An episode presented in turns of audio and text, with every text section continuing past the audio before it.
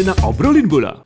Oke Libers, kita kembali di Libero Podcast. Lebih enak obrolin bola. Dan saya akan melanjutkan lagi obrolan saya dengan sobat saya yang sangat akrab. Tadi sudah menjelaskan dengan detail bagaimana situasi, kondisi, dan apa pun yang berbau dengan PSS Sleman. Tapi masih ada bab lain, hal lain yang saya pikir akan sangat dan lebih menarik lagi. Bro, Siap. tadi pertanyaan terakhir belum dijawab tuh. Apa tuh? Kira-kira apa tuh masa lupa sih? Kira-kira butuh berapa tahun? Ini kan sampean udah tahu kan eh, standar mereka, keinginan mereka, masyarakat Jogja maksudnya Siap. terhadap PSS dengan situasi yang ada saat ini Ya. berapa tahun Mas Bro? Lima tahun? Untuk eh, Mewujudkan harapan mereka mewujudkan harapan menjadi juara. juara klub yang sebenarnya, Oh. tim yang sebenarnya. Klub yang seutuhnya dan tim yang seutuhnya, ya saya rasa lima tahun. Lima tahun ya. Tapi untuk juara, saya cukup percaya bisa lebih cepat dari itu. Oke. Eh, PSS bagi Sleman kalau kita melihat di generasi muda sekarang sudah menjadi setengah dari identitas. Setengah dari itu. Setengah identitas. Ada rencana menjadi full identitas? Pasti dong. Oke. Pasti. Pasti. Konkretnya dari sekarang? Eh, apa hanya cukup dengan pendekatan dengan semua kultur supporter atau apa pun itu? Enggak. Pastinya memang harus ada eh, program lanjutan yang akhirnya memang membuat ini jadi budaya tersendiri. Jadi Ya. tujuannya gini, instead of kita mau menjadikan ini identitas, Hmm. tapi sebenarnya gini bahwa kultur sepak bola Sleman itu hidup Ya. karena eh, dari analisa kami sebenarnya belum menjadi kultur sepak bola seutuhnya nih. Mm-mm. Nah, kita mau mengarahkan ke sana. Jadi akhirnya strategi kita adalah bagaimana program-program yang dibuat di manajemen arahnya itu memang membuat eh, kita menghidupi kultur ini dan itu bukan sesuatu yang dibuat-buat, Ya. tapi memang menjadi kultur. Contoh bahwa hari eh, weekend misalnya Sabtu atau Minggu Hmm. datang ke Stadion Maguwo Harjo itu udah bukan sebuah eh, apa ya sebuah acara yang dibesar-besarkan. Ya. itu memang jadi sebuah kultur yang memang dihidupi bahkan juga sama keluarga Hmm. kita kan targetnya juga eh, audiens kita kita pengennya tuh keluarga, Keluarga ya. mm. gitu karena di Sleman itu kental sekali gitu kan Eh, apa kekeluargaan itu juga sesuatu yang punya value yang tinggi jadi kita pengen keluarga pun juga bisa menikmati sepak bola ketika semua layer itu bisa jadi bukan hanya dari aspek yang tadi kita bicarakan misalnya soal kesenian Ya. apa eh, budayanya Jogja gitu ya tapi memang betul-betul tadi masuk ke dalam kehidupan sehari-hari eh, orang duduk di warung kopi ngomongin soal soal PS Sleman gitu ya walaupun sekarang sudah terjadi tetapi itu tadi kita mau naikin levelnya ketika ngomong ngomong gini eh keren loh ya kemarin eh, misalnya kita eh, karena kan gini ada orang-orang yang mengkonsumsi itu kan beda-beda Ya. eh, caranya. Contoh kalau di UGM misalnya di pecel SGPC wah gitu kan. Eh nggak boleh sebut nama ya. Nanti di itu aja. Apa? Nggak bakal edit loh, nggak, nggak bakal edit itu. Pas duduk nih mereka ah, mahasiswa UGM yang misalnya jurusan statistik misalnya gitu ya. Aha. Mereka bisa tuh ngobrolin gini. Eh, gue dapat dari PSS tuh keren banget loh kemarin. Hmm. Karena statistiknya bukan cuma soal gol eh, berapa jumlah gol, berapa assist, berapa Hmm. tapi sebenarnya ada kajian-kajian yang lebih menarik. Terus Ya. kita kasih lagi eh, konteks eh, apa analisanya itu apa konteks datanya itu yang lebih memperkaya lagi gitu. Hmm. Saya berharapnya tuh seperti itu. Terus dari sisi youth juga Heeh. ngomongin soal, "Wih, itu loh program yang satelit kemarin. Anakmu ikutan nggak?" Anak gitu loh. Saya pengennya jadi memang PS Sleman itu sepak bolanya Sleman yang utama memang di- dijadikan kultur yang dihidupi Ya. sehari-hari. Nah, sampai dengan saat ini seperti apa sih sampai mengenal kultur masyarakat Jogja? Kan tadi sudah sudah merambah bahwa ini adalah keluarga gitu kan. Iya. Ke depannya seperti itu. Iya. Seperti apa bro masyarakat Jogja? Saya mungkin masih masih jauh dari itu ya. Salah satu tapi pembicaraan yang menarik contohnya gini.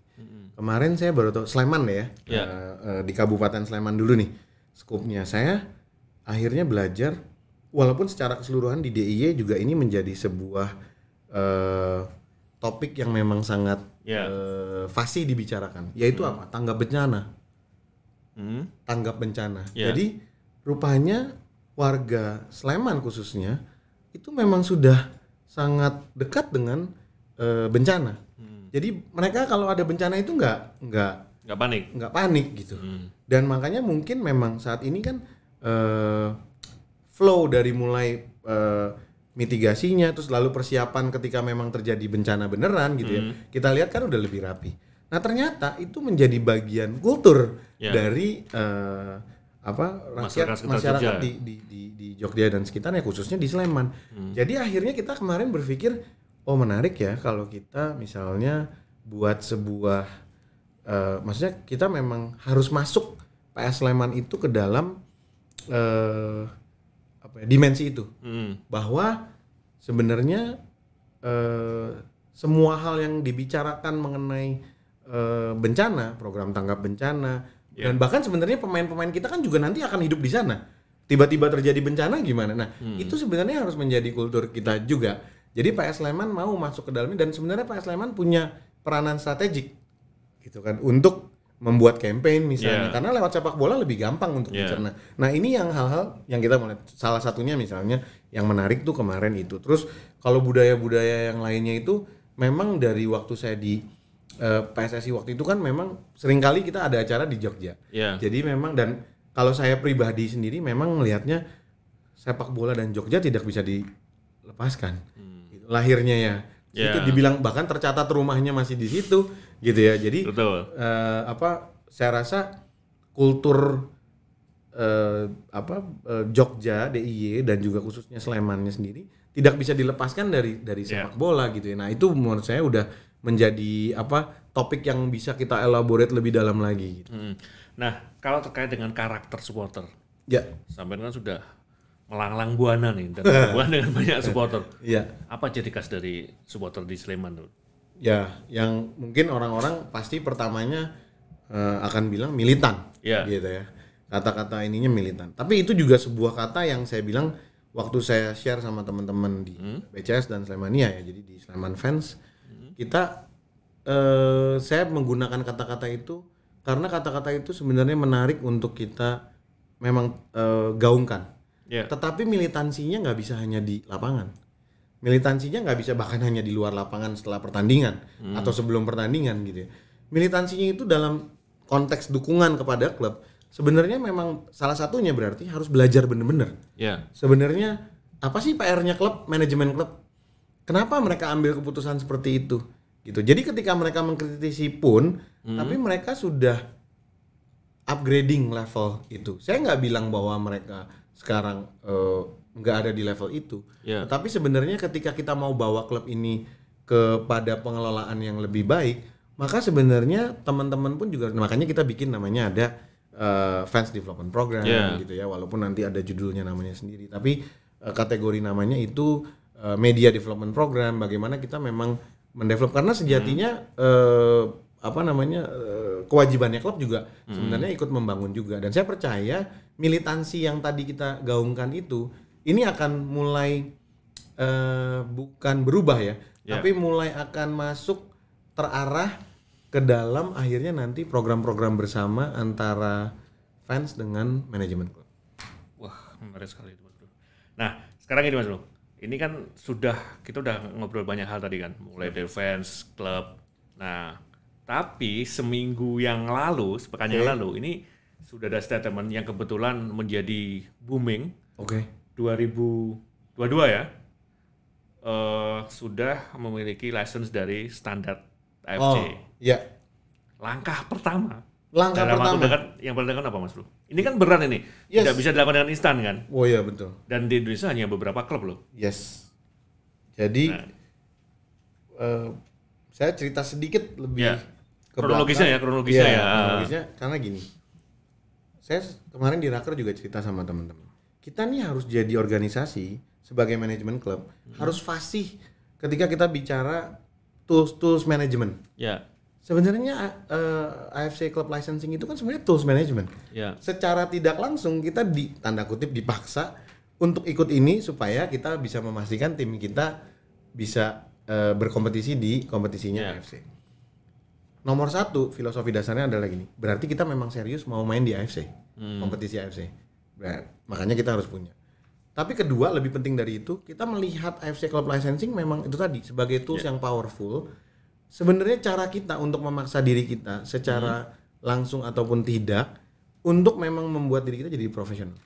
Karena sebenarnya semua area sudah tercover. Ya. Nah, cuma kita punya apa ya program lebih besar lagi yang tapi memang itu tadi ketika di- ditempel dengan dengan eh, club licensing ini akan akan jadi eh, memudahkan kita sebenarnya.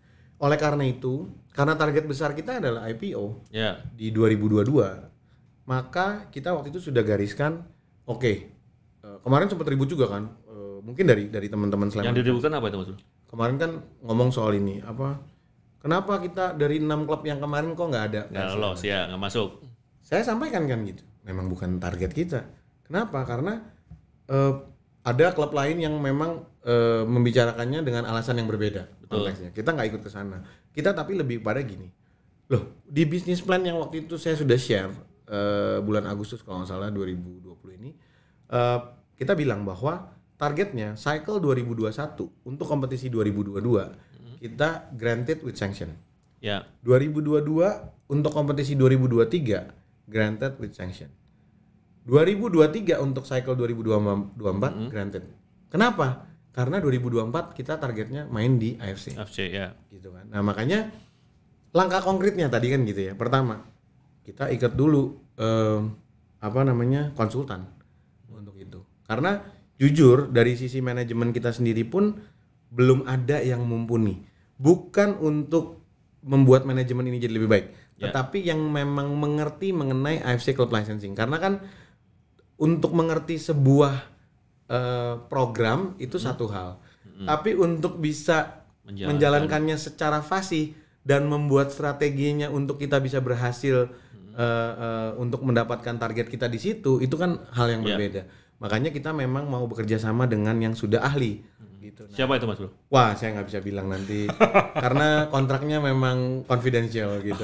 Tapi nanti juga ketahuan kok. Tapi pokoknya eh, orang yang memang cukup eh, fasih dalam urusan klub licensing Ya. di Indonesia. Nah, eh, ini kan eh, mau mengontrak konsultan yang paham banget dan tahu banget gitu kan. Ji. Nah, berarti eh, klausul untuk menggait konsultan berarti tahu sudah tahu gambaran betapa beratnya gitu kan. Ji. Nah, gambaran umum saat ini, kira-kira yang paling berat itu dari sisi mana, Mas Bro?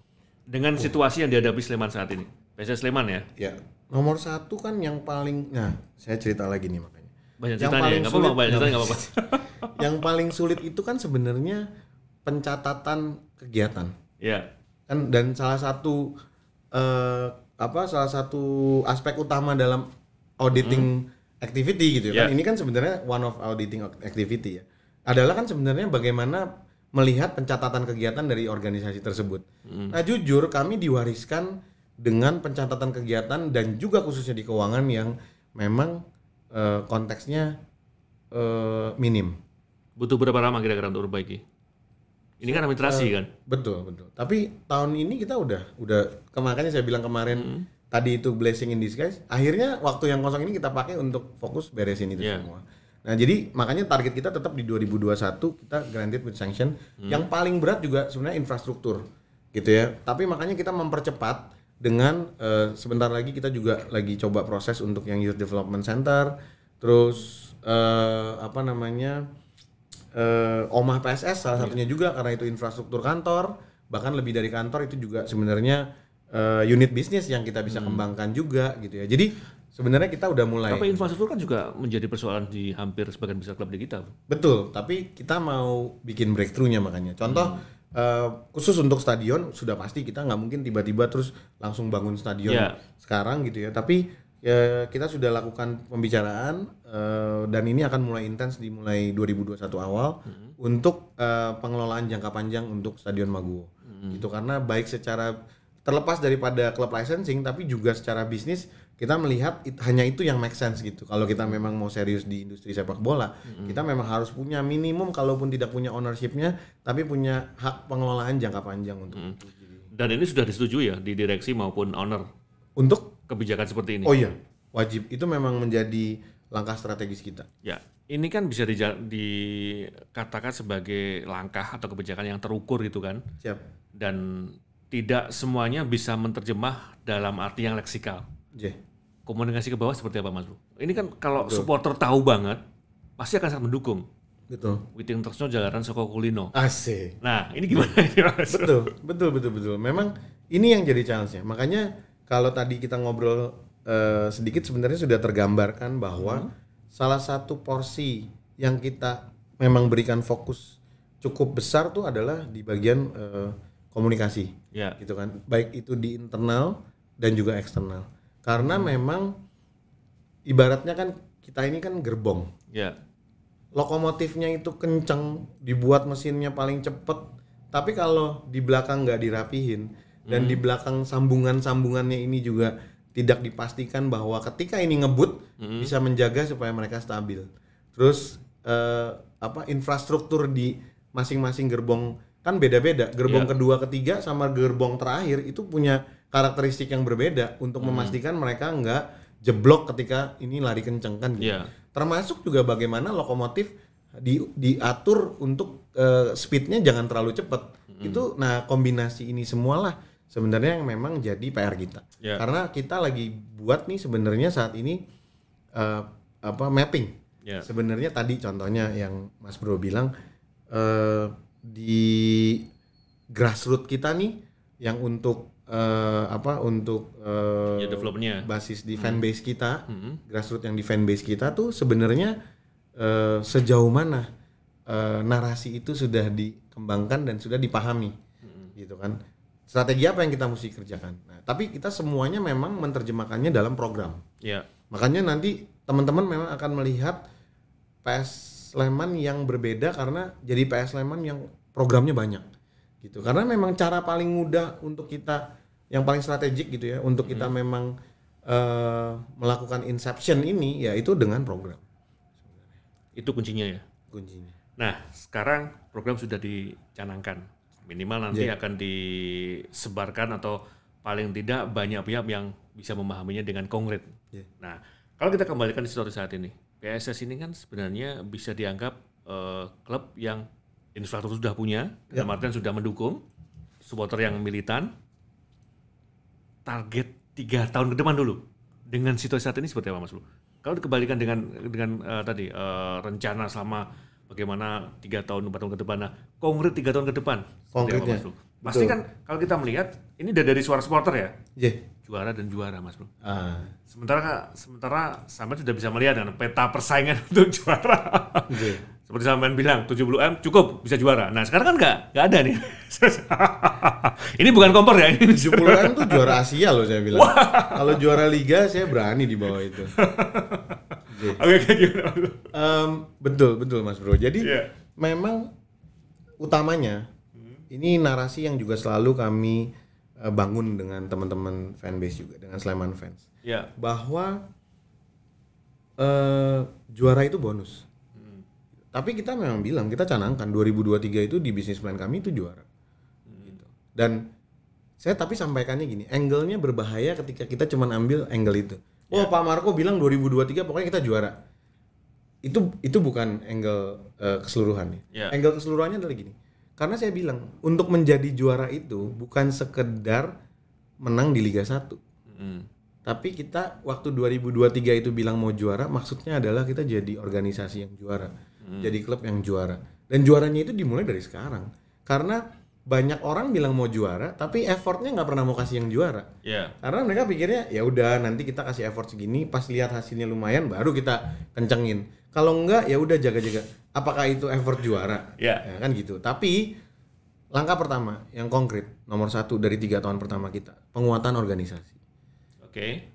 kita bilang bahwa visinya mau jadi klub yang profesional dan modern Betul. pengelolaannya bagaimana cara nah omah ini menjadi sebuah Trigger ya? representasi Triggernya bentuk ya? ya trigger pertama kenapa karena nanti teman-teman bisa lihat cara kita bekerja aja udah berbeda orang langsung bilangnya kan oh ini Google Type nih ini Facebook Type nih gitu Nanti ya. kapan-kapan kita diundang ya untuk lihat Wow, rumah ya. wajib, wajib. Ya, pokoknya teman-teman manajemen Sleman tolong kirim undangan ke manajemen LIB. Oke, catat. Kita Teman-teman kreatif sudah siap untuk mencatat ini. Bahkan kita tuh akhir tahun ini ada eh, unggah-ungguh. Oh, ya? gitu, di sana. Jadi kalau teman-teman LIB mau datang monggo. Tahu artinya unggah-ungguh Mas Bro? Hah? Tahu artinya unggah-ungguh? Nongkrong-nongkrong. Ah, siap tuh. Nah, siap kita siap diundang kok. Saya udah ngecap dulu tadi. Oke, oke lanjut. Tapi kita lihat situasi kalau Iya. kalau eh, apa pemerintah bilang nggak boleh kumpul-kumpul ya kita ngikut. Ya, dan mudah-mudahan udah dibuka, Mas Bro. Siap. Persiapan kompetisi, lanjutan kompetisi. Oke, Oke, nah ini aku nunggu Mas Bro justru. boleh boleh boleh nanti. Nah, sekarang kalau eh, oke kita kembalikan pada situasi saat ini Mas Bro ya. Iya. Eh, bisa jadi ini sebenarnya banyak pemain yang secara psikologis gamang gitu kan. Pasti. Eh, bahkan kalau kita melihat dan eh, memonitor di banyak media, banyak yang merasa ini adalah PHP-in gitu kan. Nah sekarang di situasi PSS sendiri, psikologis pemain saat ini seperti apa Mas Bro? Apalagi ini kan sudah ada rambu-rambu lah bahwa Februari mau diputar. Iya. Pendekatan ke pemain saat ini sepentangan Mas Bro. Iya. Psikis mereka seperti apa? Kalau kita bilang wah psikis pemain kita masih prima dan itu pasti bohong. Iya. Karena sejatinya itu tadi pemain nggak latihan bareng, nggak tinggal bareng, itu membuat dan yang paling utama tidak berkompetisi itu pasti membuat mereka memang tadi Mas Bro bilang gamang Iya. gitu ya. Tapi yang kita coba adalah gitu tadi kita kan gini core utama dari pemain tuh apa sih? Mm. Nomor satu kan kalau empat aspek dari eh, physical, tactical, technical, sosial sama eh, apa namanya psychological gitu Iya. ya. Tapi saat ini bisa dibilang kalau physical pasti drop gitu kan. Pasti ya. Tactical apalagi gitu kan. Kan mereka kalau misalnya mereka di rumah masing-masing terus mereka masih jogging gitu ya, masih ada eh, kegiatan yang lain masih oke. Tapi rasanya untuk mereka belajar tactical agak Sangat kurang. kurang dan ini bukan sesuatu hal yang memang dilakukan sendiri-sendiri kan gitu. Terus dari sisi eh, tactical, technical. Nah, technical mungkin mereka masih dapat dari itu. Jadi buat kami dan yang paling penting nih sebenarnya sekarang social dan psychological. Ya. Kenapa? Karena ini dua base di bawah ketika tiga ini mau dibangun. Ya. Nah, tujuan utama kami saat ini adalah gini. Ini jangan sampai karena kalau rusaknya di sini ini udah berat. Mm. Itu bisa dibilang ibaratnya nanti treatmentnya nih panjang. Ini yang kita jaga, makanya kita kenapa renegosiasi gajinya eh, kita jaga supaya mereka juga di rumah pasti kan ketika semua orang taunya biasanya mereka nggak di rumah, tiba-tiba di rumah terus misalnya nggak ada uang kan jadi repot Betul. gitu kan. Nah, ini yang kita jaga. Tiga ini kita cuma minta mereka sulit untuk punya standar di Indonesia sulit karena mereka juga bukan anak-anak yang lahir dari eh, sistem pembinaan yang sudah eh, sempurna. Gitu ya. Jadi akhirnya memang sulit untuk ada anak yang ada atlet yang benar-benar sangat excellent punya Ya. kesadaran diri tinggi tapi ada yang enggak juga dan kita nggak bisa salahin mereka. Nah jadi yang ini adalah PR besarnya tim performance department kita untuk menyiasati ketika kembali nanti ini yang harus segera di ini. Nah yang sekarang ini ini tugasnya manajemen saat ini dalam artian Iya. secara keseluruhan untuk menjaga mereka ini. Termasuk bagaimana kita berkomunikasi sama mereka. Ada yang baru lahiran, ada yang eh, apa namanya eh, baru menikah, gitu. Ada. Nah itu kita jaga. Gitu. Pendekatan seperti itu ya. Yes. Benar-benar eh, individual ya. Yes, supaya ketika mereka kumpul lagi mudah-mudahan di Januari, let's say minggu kedua, minggu ketiga gitu ya.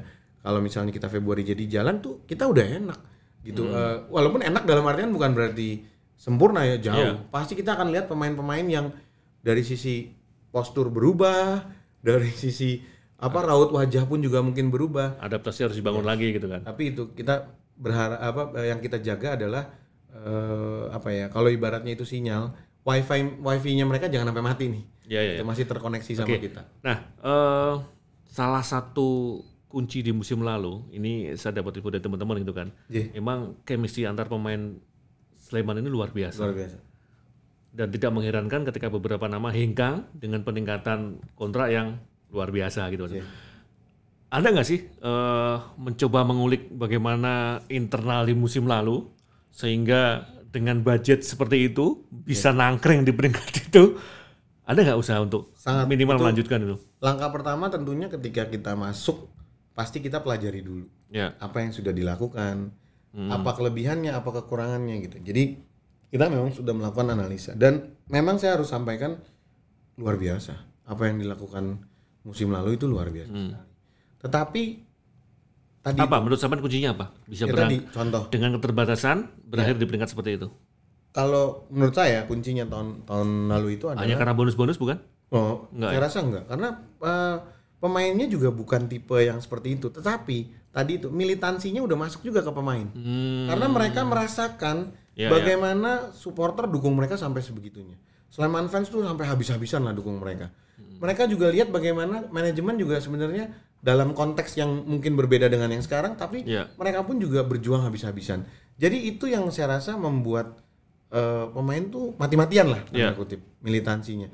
Nah sekarang kita sebenarnya kunci utamanya tidak menghilangkan itu karena memang itu sejatinya harus dilakukan, tetapi dengan dimensi yang berbeda Hmm. gitu. Dengan mudah-mudahan ya eh, dengan usaha kita semua ini ya dengan eh, apa dengan situasi yang lebih baik, Ya. dengan eh, apa kesejahteraan mereka juga yang lebih baik gitu. Tetapi ada elemen-elemen karena jangan lupa tadi lagi kita bukan hanya pikirin untuk musim ini, tapi ini adalah dasar untuk keberlanjutan klub PS Sleman Ya. untuk seterusnya bahkan sampai selamanya. Maka ada elemen-elemen yang juga kita harus mulai perbaiki yang belum terjadi di sebelumnya. Tetapi kita berusaha membuat ramuannya supaya seakan mereka itu tidak merasa langsung ada perubahan yang drastis dan perubahannya eh, apa membawa situasi yang tidak menyenangkan Ya, ya. gitu. Itu yang justru tantangan kami di manajemen yang ini lebih berat di situ menurut saya. Tapi kami saya percaya setelah tuh khususnya kemarin raker tanggal eh, 11 dan 12 kemarin saya sangat sangat confident kita bisa. Dan menurut sampean faktor X-nya di situ ya. Yes, itu akan jadi salah satu faktor Ya. kunci untuk eh, PS Sleman menaiki tangga juara. Yang harus benar-benar dikelola lebih matang lagi gitu ya. Pasti. Oke, Mas Bro, eh, Siap. sampean kan sudah bisa membandingkan gimana sih nilai kontrak pemain pebola profesional saat ini kan, dan tentu punya gambaran dengan perbandingan dengan tim lain. Bisa dikatakan nggak sih kontrak eh, rata-rata average pemain PSS ini sebenarnya di bawah rata-rata atau di atas tim-tim lain? Katakanlah tim yang saat ini masuk lima besar. J, kalau untuk kita target lima besar, saya cukup yakin kita masih ada di bawah menuju ke rata-rata.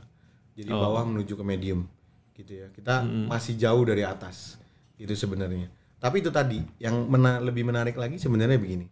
Bagaimana sih eh, rate Mhm. contribution rate kita? Ya, Maksudnya dari sisi total nilai gaji pemain Mhm.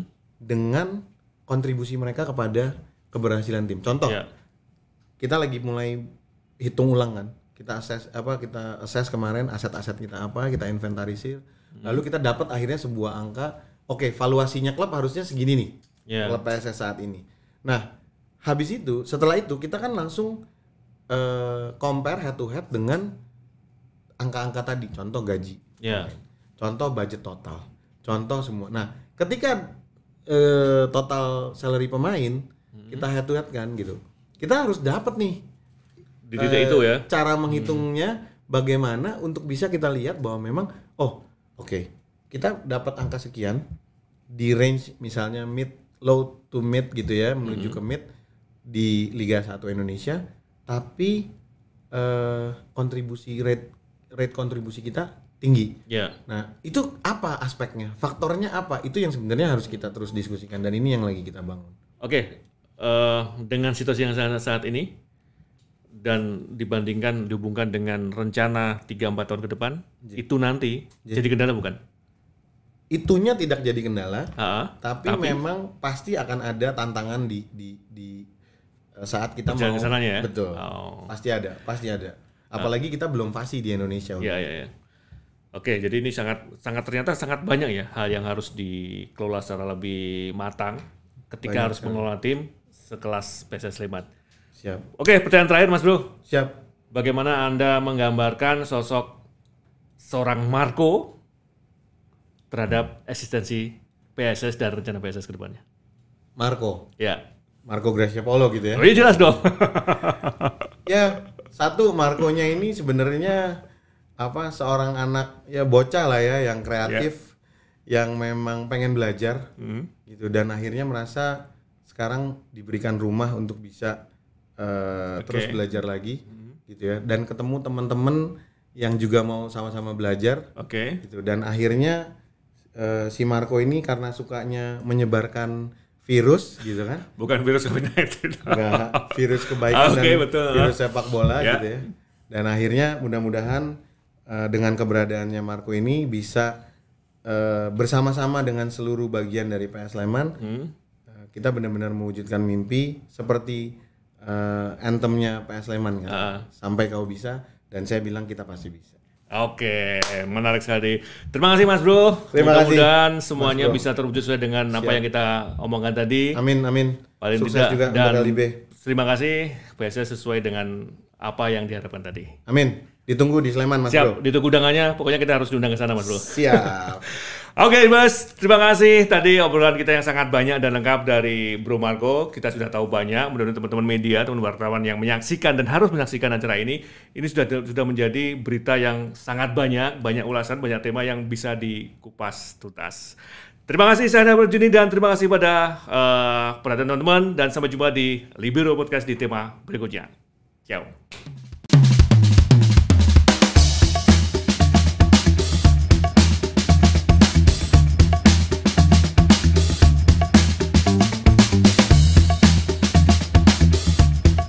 Libero, lebih enak obrolin bola.